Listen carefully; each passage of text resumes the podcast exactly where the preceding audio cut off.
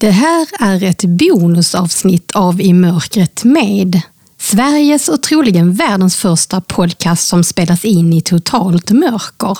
Stort tack till vår samarbetspartner Svensk skrivtolkning som textar våra avsnitt. Textade avsnitt hittar du på vår hemsida imokretmed.se.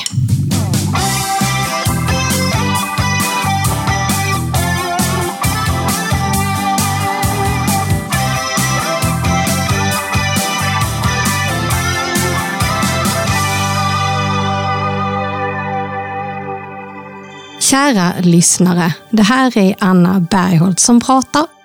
Och vi befinner ju oss mitt i en pandemi och ingenting är riktigt som förut. Och många mår dåligt. Och vi kan ju behöva lite ljus i mörkret. Och därför bjuder vi från I mörkret med på bonusavsnitt som vi hoppas ska pigga upp. Vi hoppas att ni ska ha överseende med det något sämre ljudet än vanligt och det beror på att jag har gjort intervjuer av telefon, vilket ju är nödvändigt i dessa tider av distansering. Och nu ska jag koppla in Ulf. Ha Ulf! Nu sitter jag här hemma i mitt sovrum och du sitter i din studio. Så är det faktiskt. Så brukar det inte vara? Nej, det, det brukar det inte vara, men eh, det kanske måste vara så i, i dessa tider. Det, det är liksom, eh, ja men det är kanske så man gör. Avstånd, det här är avstånd på riktigt. Ja, verkligen. För nu kör vi ju bonusavsnitt, eh, Far i mörkret med, där jag har pratat med, med tidigare gäster. Men innan vi ska köra igång så tänkte jag kolla, hur, hur, hur ser ditt liv ut nu under pandemin?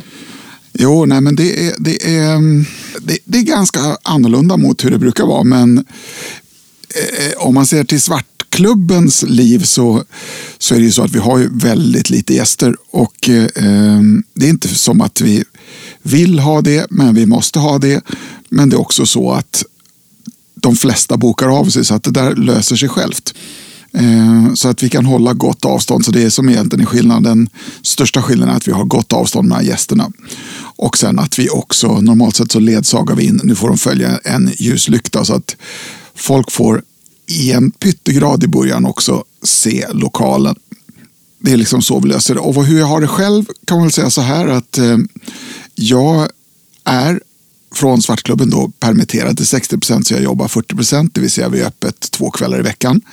Fredagar, lördagar. Och eh, jag ägnar min tid åt att dels skriva nytt material men också spela in material som jag delvis då inte heller har spelat in förut. Gamla bra låtar som jag känner att de här ska jag ta upp. Låtar som jag skrivit genom åren som kanske har hamnat i någon annanstans.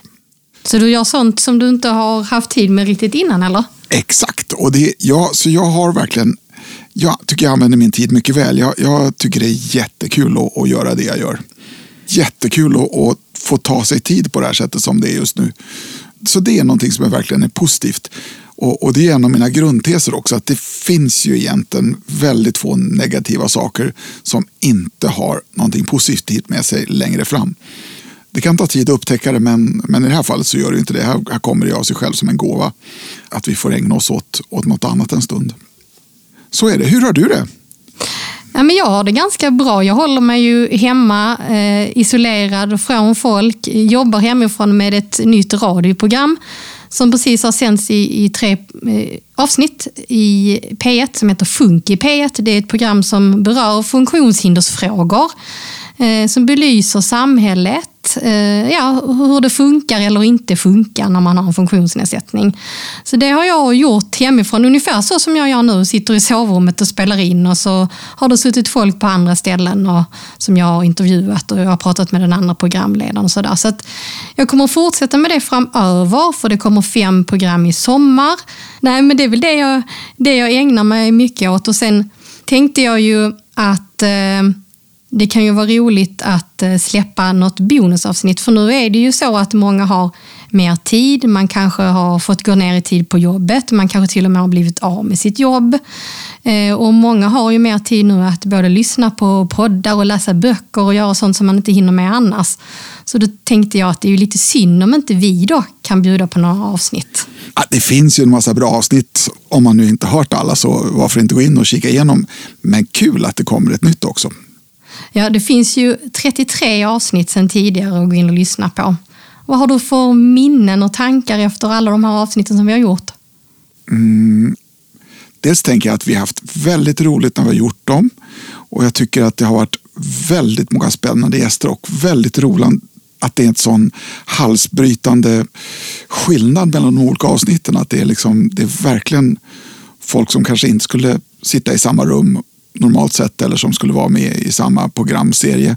Och det, det tycker jag är så härligt och jag, jag gillar ju också det här som jag också tycker mig ha märkt att alltså det du och jag satt och skissade på en gång i världen att vi trodde att folk skulle bli mer avslappnade och kanske prata om andra saker i, i en sån här miljö. Det tycker jag har infriats helt och hållet. Det, det är verkligen så. Det är, det är verkligen ett jättefint forum för att göra ja, en sån här programserie med Det mörka rummet.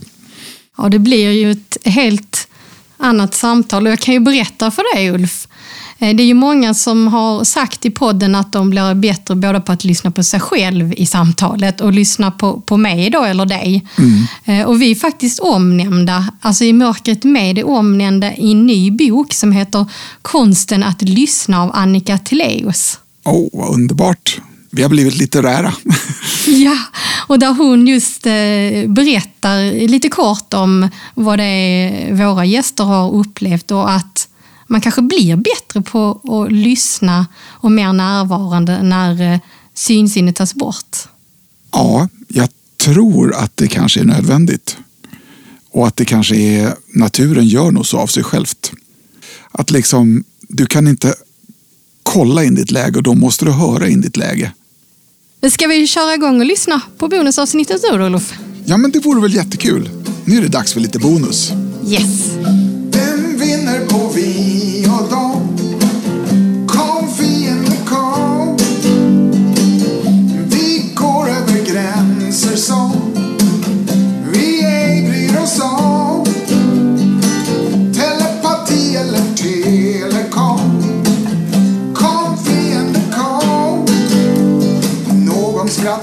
Någon vänder ryggen. Någon är rädd, men jag, jag ropar hej. Mitt liv och jag, vi tror på livet och sjunger en sång på människans kalas. I ljuset från tusen konstgjorda stjärnor. Mitt liv och jag, vi tar oss ett glas. Mitt liv och jag, mitt liv och jag. UFO-expert Claes Svahn mötte vi i avsnitt nummer 19 och Claes är ordförande för stiftelsen Archive for the Unexplained, världens största arkiv för det oförklarade, som i år firar 50 år. Men på grund av pandemin så har man inte kunnat fira det live. Claes är även vice ordförande och internationell samordnare för riksorganisationen UFO Sverige. Och jag ringde upp Claes för att se hur han har det under coronapandemin. Ja, det har blivit lite beskuret givetvis. Eh, mina föredrag till exempel håller jag på Zoom eh, numera över nätet. Annars så eh, kan jag inte vara ute och göra UFO-intervju på det sättet jag har gjort tidigare. Allting på telefon lite tråkigare har det blivit. Men jag sitter och skriver på en ny bok så att jag sitter ändå ganska mycket framför datorn. Vad är det för bok du håller på med nu då? Nu skriver jag en bok som handlar om saker som faller ner från himlen. Uh, det kan ju låta lite lustigt kanske. Och det är allt möjligt då. Det kan vara delar utav flygplan, dörrar och landningsställen och sånt i all sin enkelhet. Det kan vara fiskar, det kan vara grodor, det kan vara fåglar som regnar ner, det kan vara glödande kättingar, det kan vara meteoriter, det kan vara sådana som en gång i tiden dödade dinosaurierna, stora rymdstenar. Men grodor från himlen? Ja, det är, det är inte så ovanligt faktiskt. Eh, fiskar och grodor eh, har jag säkert flera hundra rapporter om. Jaså? Mm. Och, och, finns det någon förklaring till det? Ja, man har ju tänkt sig att det skulle kunna vara då virvelvindar och stormar som har fört med sig de här. Och, och sen har de fallit ner. Och det är klart att det låter väl plausibelt. Eh, Samtidigt är det ganska lustigt ofta. Det, det är ofta bara en enda sorts fisk till exempel eh, som regnar ner. Och det kan vara ganska stora mängder faktiskt också. Eh, När det är enstaka fiskar, det har hänt även i Sverige. Jag pratade med en kvinna som fick en, en stor fisk i, i, på axeln, nästan i huvudet, och Uff. föll från himlen. Och då är det ju sannolikt någon fiskljus eller någon sån där som har tappat liksom något stort byte. Va? Men när det är många, det är hundratals, då är det ju andra grejer som spelar in. Och även om man nu misstänker att det är vindar så har ingen kunnat visa hur det går till och ingen, ingen har kunnat följa det här händelseförloppet utan det, det bara inträffar. Va? Ja, så... Jag har en rapport från Malmö där det regnar sedlar över, över någon gata i Malmö. för Oj, vad trevligt. 50-talet. Ja. Så sånt, eh, sånt sitter jag och, och klurar på och, och skriver om just nu. Ja, när kommer boken då? Den kommer i... eh, Jag ska vara färdig i september och den kommer på Storytel. I Ja. första hand. Sen kommer den nog som pappersbok Ja. också lite längre fram. Men eh, du var ju på nyheterna här eh, nyligen. Eh, för det har ju hänt lite grejer. De här eh, videosarna eh, har ju Pentagon bekräftat nu att Ja. de är äkta. Kan du berätta om det, vad det är för, för någonting från början också? Ja, det där var egentligen eh, i december 2017 så eh, släppte amerikanska eh, försvaret eh, ett antal filmer då, till en privat eh, grupp i, i USA som heter To the Stars Academy. Eh, En, en grupp där en person som hade varit ansvarig för eh, Eh, det amerikanska försvarets UFO-arbete under ett antal år hade gått med och, och slutat sitt jobb då inom, inom eh, försvaret. Och han lyckades då eh, få ut de där filmerna då men utan egentligen någon kommentar ifrån försvaret. Och det är tre filmer. Två som är tagna 2015 och en som är tagen 2004. De är tagna utanför Floridas kust och utanför Kaliforniens kust. Och eh, man ser då på de här filmerna hur eh, jaktpiloter då har filmat med sin infraröda utrustning som är ombord på flygplanen. Eh, objekt då som eh, verkar flyga framför planen och eh, i ett fall under flygplanet då väldigt snabbt och bete sig på ett sätt som de har svårt att förstå. Och man hör ju på de här filmerna att de är väldigt upphetsade och, och förstår inte vad det är. Va? Men eh, ingen har egentligen kommenterat eh, filmerna från försvaret eh, förrän nu då.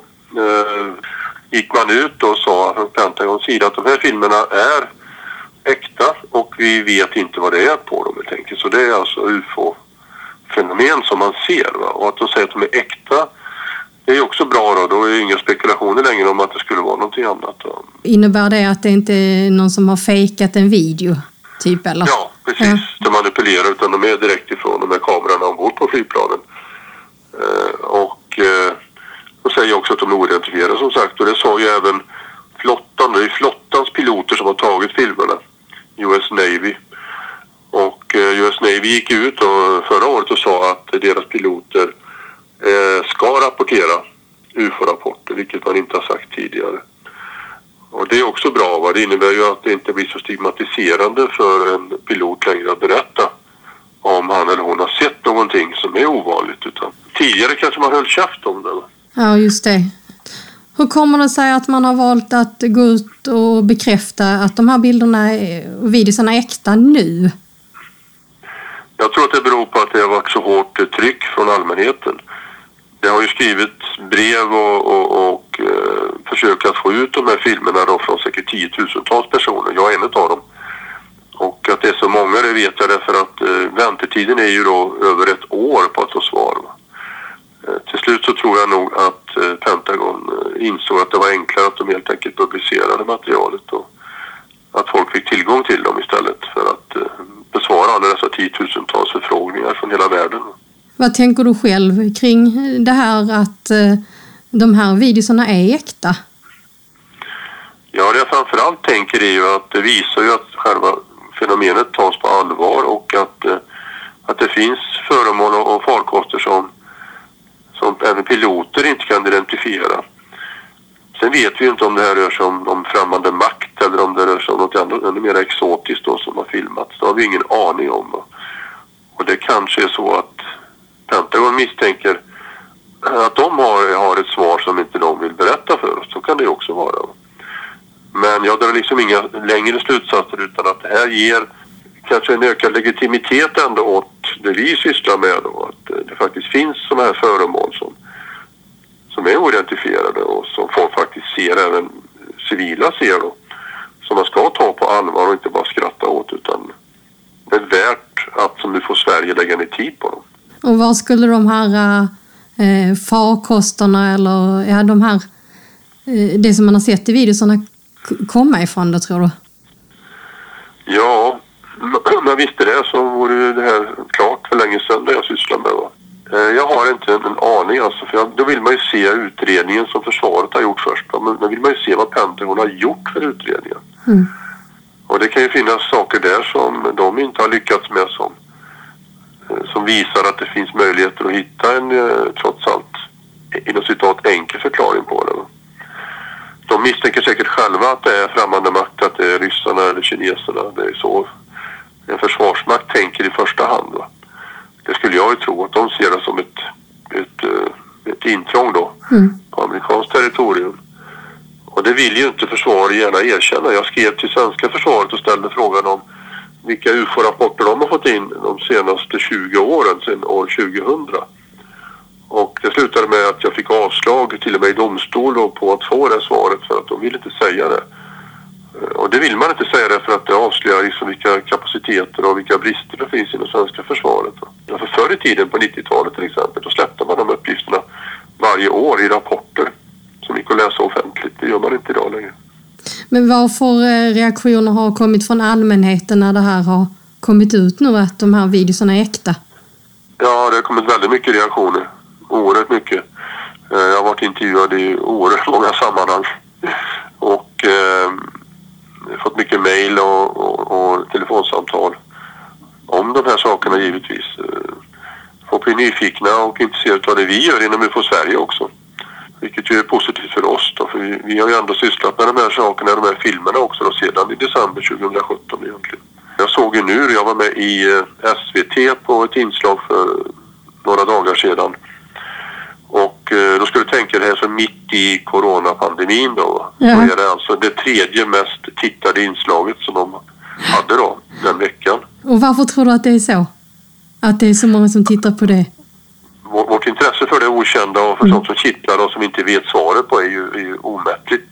Mm. Så vi har ju en inneboende önskan att dels veta vad som händer men ännu starkare att ha saker som vi inte förstår som kittlar lite. Det tror jag är oerhört starkt hos alla människor. Är inte folk rädda då? Har du inte fått sådana reaktioner också? För det var min första tanke, åh nej nu kommer det utomjordingar. Ja, ja. Jo, men det är klart att det finns de som är oroliga. Och jag, menar, jag har ju haft kontakt med många genom åren som har varit riktigt oroliga. Jag hade en 15-årig kille som jag brevväxlade med och sen även mejlväxlade med i eh, flera år. Eh, som var rädd på riktigt för eh, att det här var utomjordingar som skulle komma hit. Och det slutade med att hans föräldrar till slut tackade mig för att jag hade hjälpt honom så mycket så att han hade kommit över det här. Och, och kunde liksom leva ett normalt liv igen. För han var orolig på riktigt. Va? Uh, hur kunde du hjälpa honom då? Ja, genom att uh, vara empatisk och svara honom och förklara liksom och, och berätta och, och lyssna och vara där liksom hela tiden för honom. Då. Det var hundratals uh, utväxlingar med brev och mejl som vi hade.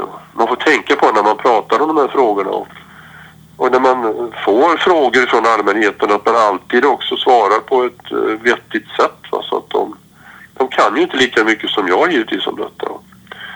Man får ta det på allvar att eh, folks kunskapsnivå inte är så stor alltid utan man drivs av känslor och, och annat. Va? Eh, då kan man bli rädd också, det kan man absolut. Jag lärde mig väldigt mycket när du var och hälsade på oss i mörkret. Ja, roligt. Ja, nej men verkligen för att det är ju lätt att uh, ha en bild uh, som man får uh, från filmens värld och så tänker man nu kommer aliens och tar över vår värld. Det, man förstår kanske inte riktigt att det kan vara sådana här, allt ifrån optiska grejer till ljusfenomen och ja, sen är det mycket som verkligen är, eh, inte går att förklara också såklart. Ja men så är det ju va. Och för Sveriges uppgift är ju att lyfta fram båda de sakerna som du räknar upp nu. Dels att det faktiskt finns väldigt mycket som man kan se fel på och lära folk om detta, lära folk om vad som faktiskt finns att, eh, att, eh, ta fel på. Men också att berätta att det finns saker som eh, vi inte fullt förstår. Eh, jo, jag tänkte lite tillbakablick när du var och hälsade på oss i eh, mörkret. Vad har du ja. tagit med dig efter det besöket? Ja, jag har ju rekommenderat folk att och gå dit verkligen, gå till er och vara med i mörkret och försöka och hitta maten på tallriken. Det var inte så lätt alltså. Vi åt ju ändå, vi fikade ju bara du och jag. Men de som har varit där har varit väldigt nöjda. Ja, vad kul. Eh, så det har jag tagit med mig och att framförallt tog jag väl med mig att eh, att man eh, som jag menar synnedsatt som du, att man kan göra exakt samma saker nästan som, som alla andra. Fast det blir lite svårare ibland. Och det är ju imponerande och jag tycker att eh, det är viktigt att förstå att vi alla inte är eh, skapta på samma sätt. Vi har alla olika förutsättningar och det gäller att ta vara på alla vår potential. Vi har alla någonting som vi är duktiga på och så har vi annat som vi är sämre på. Och då får man försöka låta bli att ägna sig åt just den saken. Mm. Ja, ta hand om dig nu och så hoppas vi på att eh, ni får kunna fira det här 50-årsjubileumet hyfsat snart i alla fall. att pandemin går över här. Ja, det hoppas jag också. Tack så mycket och lycka till nu. Tack så mycket. Hej, hej! Hej, hej! Ljuset det är släckt Äventyret väckt Nu lämnar vi den synliga ytan Här finns ingen jäkt All doft och det du hör Smaka, känn och rör Låt andra sinnen sända impulser när synen inte stör. Annika Östberg har erfarenhet av att ha suttit 28 år i amerikanskt fängelse. Och hon besökte oss i avsnitt nummer 15. Och så här lät det då. Uh, alltså, i mörkret, det är ju olika sorters mörker. Alltså, och jag har gått igenom en viss sorts mörker. Du lever i mm. ett annat mörker. Ehm, du har fått din syn in i mörkret mm. på ditt sätt. Alltså jag frågade Ulf när vi gick in. Ja. Jag visste inte att han var blind i början. Det tog mig lite tid att klura ut det. Då tänkte jag på att ja, det är olika sätt att lära sig att leva inom mörkret. Och man kan liksom surrender. Man mm. kan kapitulera till det och, och, låta det sluka en. Eller så kan man som Ulf hitta sin väg framåt. Mm. Du har hittat din väg, jag har mm. hittat min väg. Ja. Även då jag kan se. Hur är det med dig nu under pandemin? Jo, fysiskt sett så eh, går det ju bra, men eh, det är ju katastrof för mig naturligtvis ekonomiskt för att alla mina uppdrag är ju inställda. Och jag hade ju eh, ingen inkomst, eller jag hade väldigt dålig inkomst innan det här och nu har jag ju noll. Som du vet så har jag ju ingen pension att prata om. Ja, 1900 då tycker de att jag ska leva på. Så det här har verkligen ställt till det för mig. Så att, eh, jag hoppas att det inte varar för länge. Jag har ju fått hjälp av vänner än så länge men det kan ju inte vara hur länge som helst. Men hur, eh, för att i vanliga fall är du ute och föreläser och då är det därifrån du får din inkomst va? Ja, precis. Jag får, jag får ha tillit att den gud som tog mig igenom 28 år i USA kommer att ta mig igenom det här också. Ja, är det så du tänker? Ja, mm. ja jag måste ju tänka så. Hur ser dina dagar ut nu då? Ja, jag jobbar ju på att skriva lite grann nu när jag har mer tid. Och, eh, men för det mesta så räknar jag med hundarna och huset och några vänner som bor här omkring som är också, de är ju verkligen i riskåldern. Men eh, vi umgås ju utan, ute då, utomhus. Vad skriver du på? Jag har ju jobbat på en roman i många år. En fiction. Fast baserat på mitt liv då, alltså på mitt uh, erfarenhet av anstalt. Det kommer att ta plats på en anstalt. Men det bästa är ju om man skriver, uh, utgår från någonting som man är bekant med, som känner till. Oavsett om det är uh, på riktigt eller om det är fiction. Jag, och jag försöker också skriva kan jag säga. Gör du? ja, jag håller på, på med en, eh, en ungdomsbok och det är också utifrån egna erfarenheter. Jag har ju legat mycket på sjukhus så att min historia hamnar där. ja, ja, ja, precis. Ja. ja. men så ska det ju göra för att då blir det mer äkta. Jag tror också det. Jag tänker det är många som sitter nu isolerade i karantän hemma Eh, många som är i riskgrupp eller äldre, eller man försöker isolera sig ändå eftersom det är det myndigheten rekommenderar. Och då tänkte jag ju på dig att du har ju verkligen levt isolerad från världen runt omkring när du satt i fängelse i 28 år. Ja, det här är ju, det här är ju ingenting. Alltså, det här är ju rena rama lyx för mig om, om man ska tänka på isolering, herregud. Jag har ju alla bekvämligheter. Jag kan ju gå in och ut min egen dörr. Jag har ju levt i badrum inlåst i, i många år. Eh, så att eh, det här är ingen stor grej för mig alls. Men jag förstår andra som inte har ja, gått igenom sådana saker att det kan vara känna väldigt alltså, inskränkande på, livet. Ja. Men det kan ju vara bra också att vara för sig själv en tid tycker jag. På vilket sätt Så, kan det vara bra? Ja, rensa tankarna, ägna sig åt de där projekten som man liksom eh, skjuter på. Ja, jag gör det sen. Uh, alltså det finns ju så mycket som man kan hitta på hemma. Städa ut någon garderob, gör, rensa i lådorna. Alltså, man kan ju läsa. Alltså, så att, uh, nej, jag har inget problem alls nej. med att vara själv. Mm. Men jag trivs i mitt eget sällskap kan jag säga. Ja. Tror du att uh, du klarar av det här uh, bättre med tanke på dina erfarenheter? Absolut. Men det som jag är glad att folk har fått se och verkligen ta in, det är hur det här har påverkat miljön. Alltså nu har vi verkligen bevis på att vi kan göra en stor skillnad i en relativt kort tid. Så jag hoppas verkligen att folk ser sig omkring på luften i Indien till exempel. Alltså så mycket positivt som har hänt genom att människor inte har varit ute och ja, betett sig i sina vanliga förstörsamma ja, agerande då. Så jag är med Greta, så det är inget illa som inte har något gott med sig tycker jag. Jag håller helt med dig. Jag tänker också det. Och jag, det jag själv eh, har upptäckt det är ju att det fungerar ju väldigt bra att göra mycket digitalt. Man har möten över eh, nätet och, och för mig som inte alltid kan ta mig enkelt på grund av att jag inte ser och så kommer inte färdtjänsten och allt det där. Det tar så mycket energi att hålla på och resa. Eh, ja. Det behövs ju inte. Nej, och jag tror att folk har tagit det till sig. Jag tror att det kommer att påverka framtidsbeteende att uh, stora bolag och sådär har, ja, de har kommit underfund med att ja, men det här funkar ju faktiskt och det är bättre.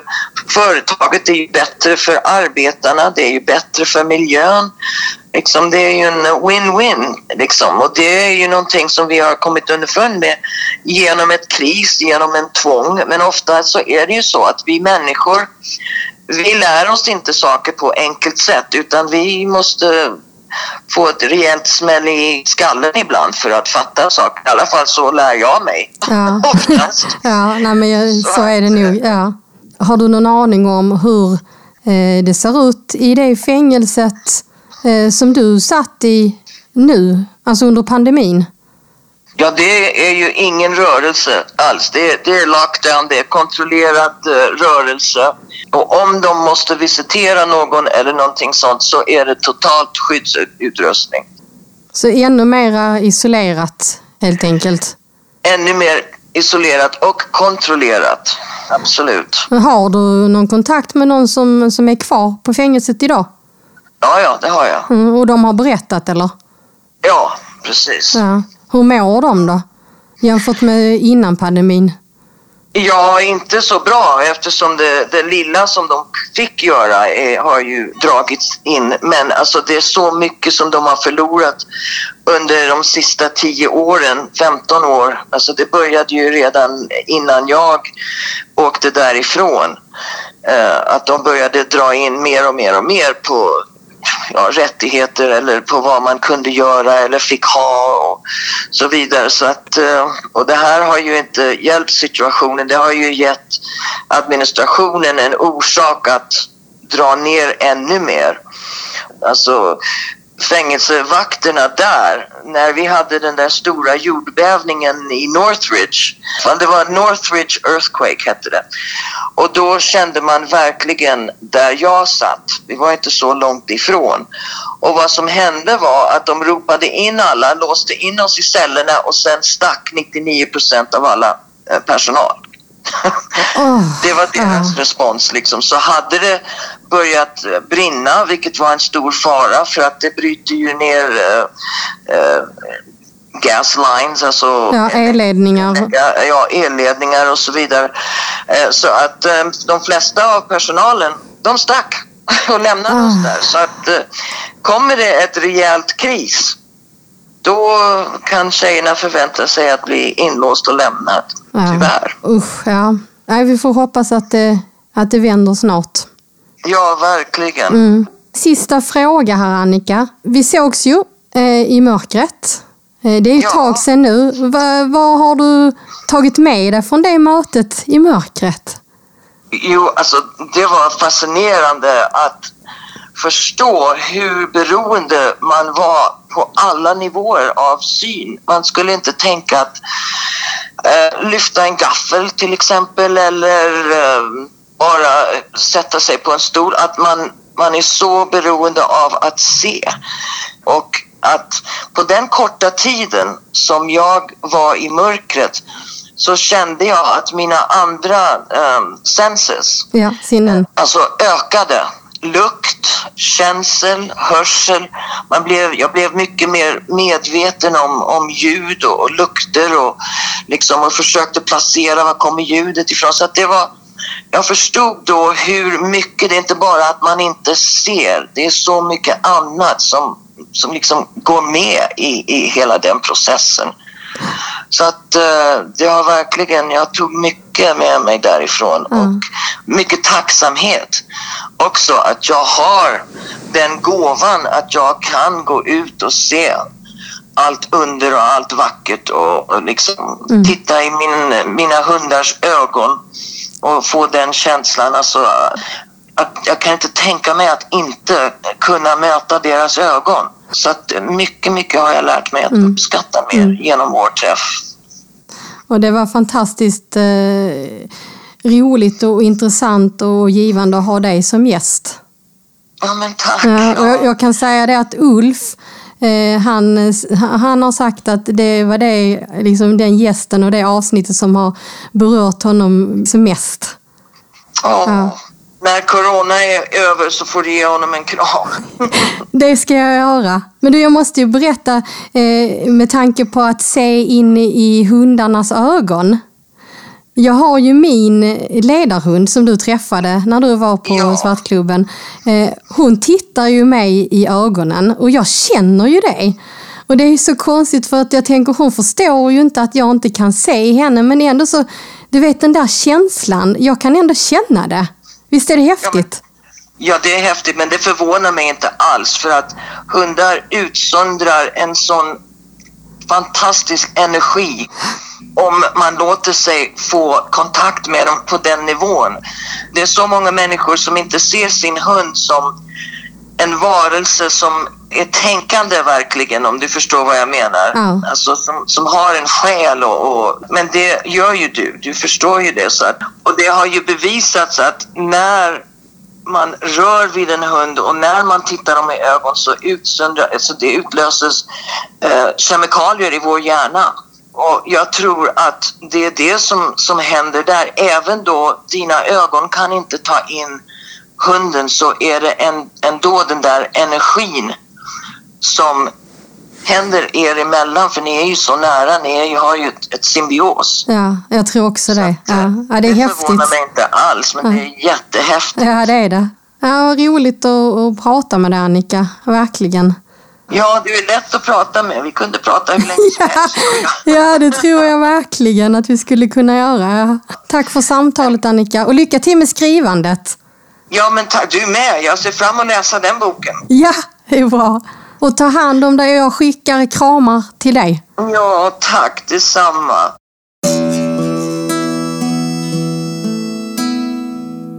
Svensk skrivtolkning är ett företag som inkluderar genom text.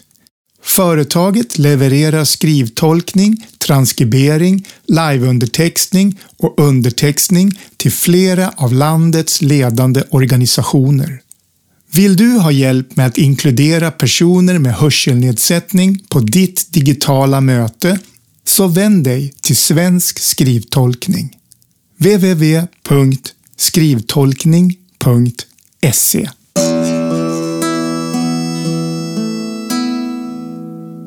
Folk känner ju dig som eh, mest kanske som komiker och även Ja, men det stämmer. Oj. Ja, men andra egenskaper? Ehm, jag är ehm, väldigt känslig. Jag ser ibland mycket och det är, mycket, det är inte allt man ser som gör en glad. Så jag kan vara också rätt deppig faktiskt. Så jag är bra på att skratta mycket och jag är ännu bättre på att gråta. Det är så ja. ja.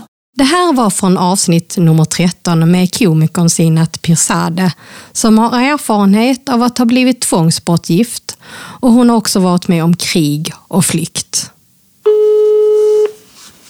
Det är Zinat. Hej Sinat, det är Anna. Hej kära Anna, hur mår du? Jag mår bra tack. Härligt att höra. Hur mår du? Jag mår, jag mår jättebra också. Livet är som det ska vara ändå för att jag tycker att vi måste vara flexibla och ha acceptans av tillvaron precis som det är. Så jag försöker liksom istället för att sätta mig och grämma mig över alla föreställningar som är inställda och så. Jag tänker att det här är något som drabbar hela vår värld liksom. Och jag måste finna mig i det. Och jag är rätt flexibel så jag jobbar med mina skriftjobb och skriver.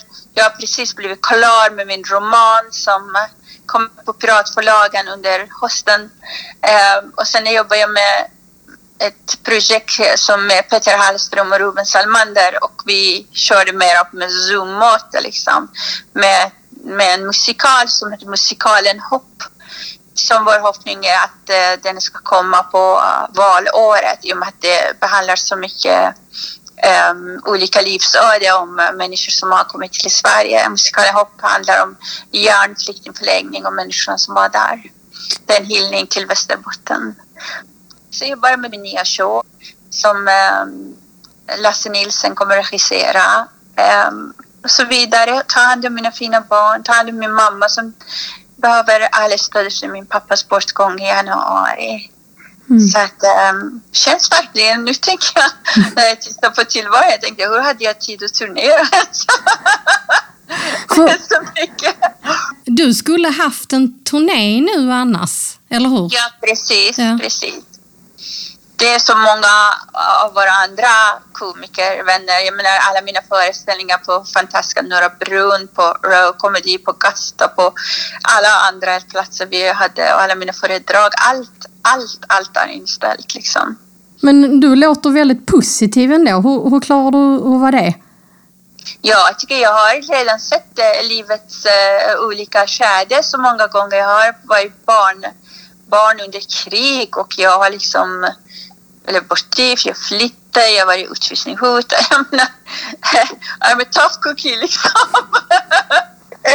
ja, jag menar, det här är ganska soft. Man har rinnande varmvatten, man har vattendricka, man har elektricitet, man har kommunikation, man har liksom ändå vården och sånt, allt. Liksom. Jag är jättetacksam. Det går inte ens att jämföra med att vara eh, barn och ungdom i krig. Liksom. Så att, eh, jag vill inte säga att oj, stackars ni som har inte upplevt krig. Jag är tacksam att i Sverige vi inte har haft krig. Däremot säger jag personligen känner jag mig att jag har verktyg att bemöta svårigheter rätt eh, med, med liksom förståelse också för, för det, så att säga. Eh, jag tänkte, eh, du som är komiker, eh, kan man skämta om det här med corona? Ja, god ja. Jag har, jag har skrivit ganska mycket skämt faktiskt eh, om det. Det kan man absolut göra. Man ska inte låta sig knäckas. Man måste se också det bisarra och det lite komiska i det hela faktiskt. Så att, eh, jag tänker, jag, jag drog det där skämtet, liksom jag sa en gång i tiden man hängde en miljöpartist i brallan för han inte skakade hand med folk. nu är alla miljöpartister och den som skakar hand är den som hängs ut i medien. jag menar om en politiker kommer idag och hostar i handen och vill skaka hand, liksom blir det kaos. kommer det rubriker överallt.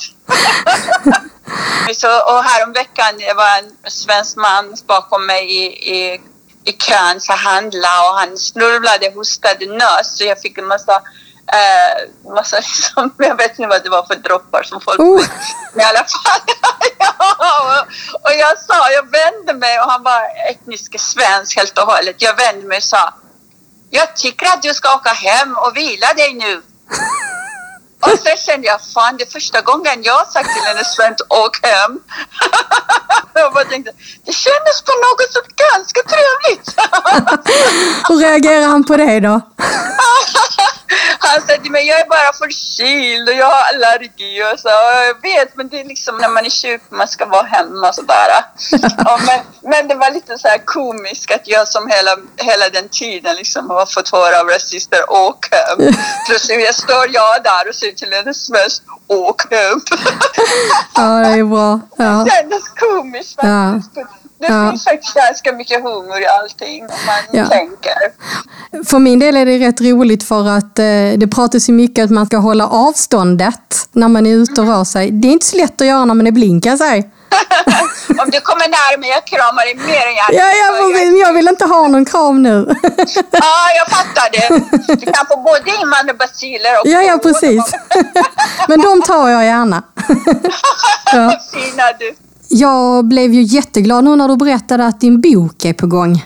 Ja, boken kommer eh, och den är klar nu. Och jag sitter faktiskt nu under hela helgen och går igenom allting innan den ska gå till tryck. Liksom. Och det är fortsättningen på din första bok, va? Ja, det stämmer. Fjäril i koppel och det här är vinterfjäril. Omslaget jag är så nöjd med också. Den här boken är mycket längre. Liksom jag, jag fick, det gick inte.